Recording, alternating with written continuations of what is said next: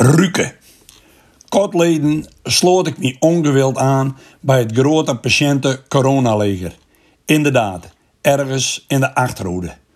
Er was blijkbaar geen ontkomen aan. Mazzeltof had ik bin, bleef de schade beperkt tot een flinke verkoudheid. Maar er was nog wat. Ik was een paar dagen meer reuk en smaak helemaal kwijt. Met name dat eerste wurde even een denkje. Op maandags warm ik tussen de middag de groentesoep van het weekend even op. Heerlijk. Op die bewuste maandagmiddag dus ook weer. Na het eten even een knipperke op de bank. Want naast soep eten heb ik op maandag nog altijd een vaste gewoonte. 8 à 10 kilometer hard draven. En van draven word je moe. Na het knipperke mocht ik van mezelf de vaatwasmachine uitruimen. Nadat ik dat deen had, de soepkop en het bestek weer in de vaatwasser. En de sleef en de pollepel die in het soeppansje stonden.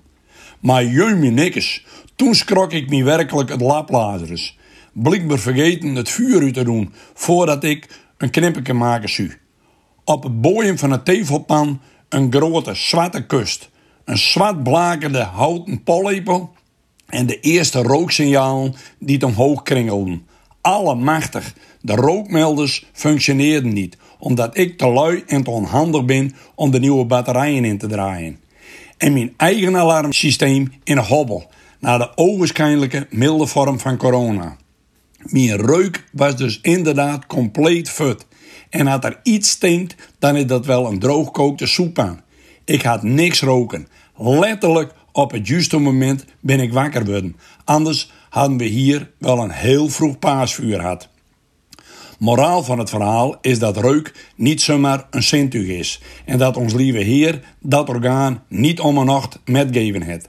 En wat ook niet onbelangrijk is, dat je gewoon de kop erbij houden moet na een morgen hadraven. En dat je nooit de gek hebben moet met vuur. En wat die rookmelders aangaat, dat is zeker geen overbodige luxe. Want een kleine moeite om die batterijen zo nou en dan even te vervangen. En hij ook geen last van irritant gepiep op momenten dat het je niet uitkomt. Dat zijn rookmelder piept is simpelweg een teken dat de batterijen haast opbinnen. Gewoon batterijen vervangen. Doen. Trouwens, vanaf juli dit jaar is een rookmelder op elke etage van je woning wettelijk verplicht.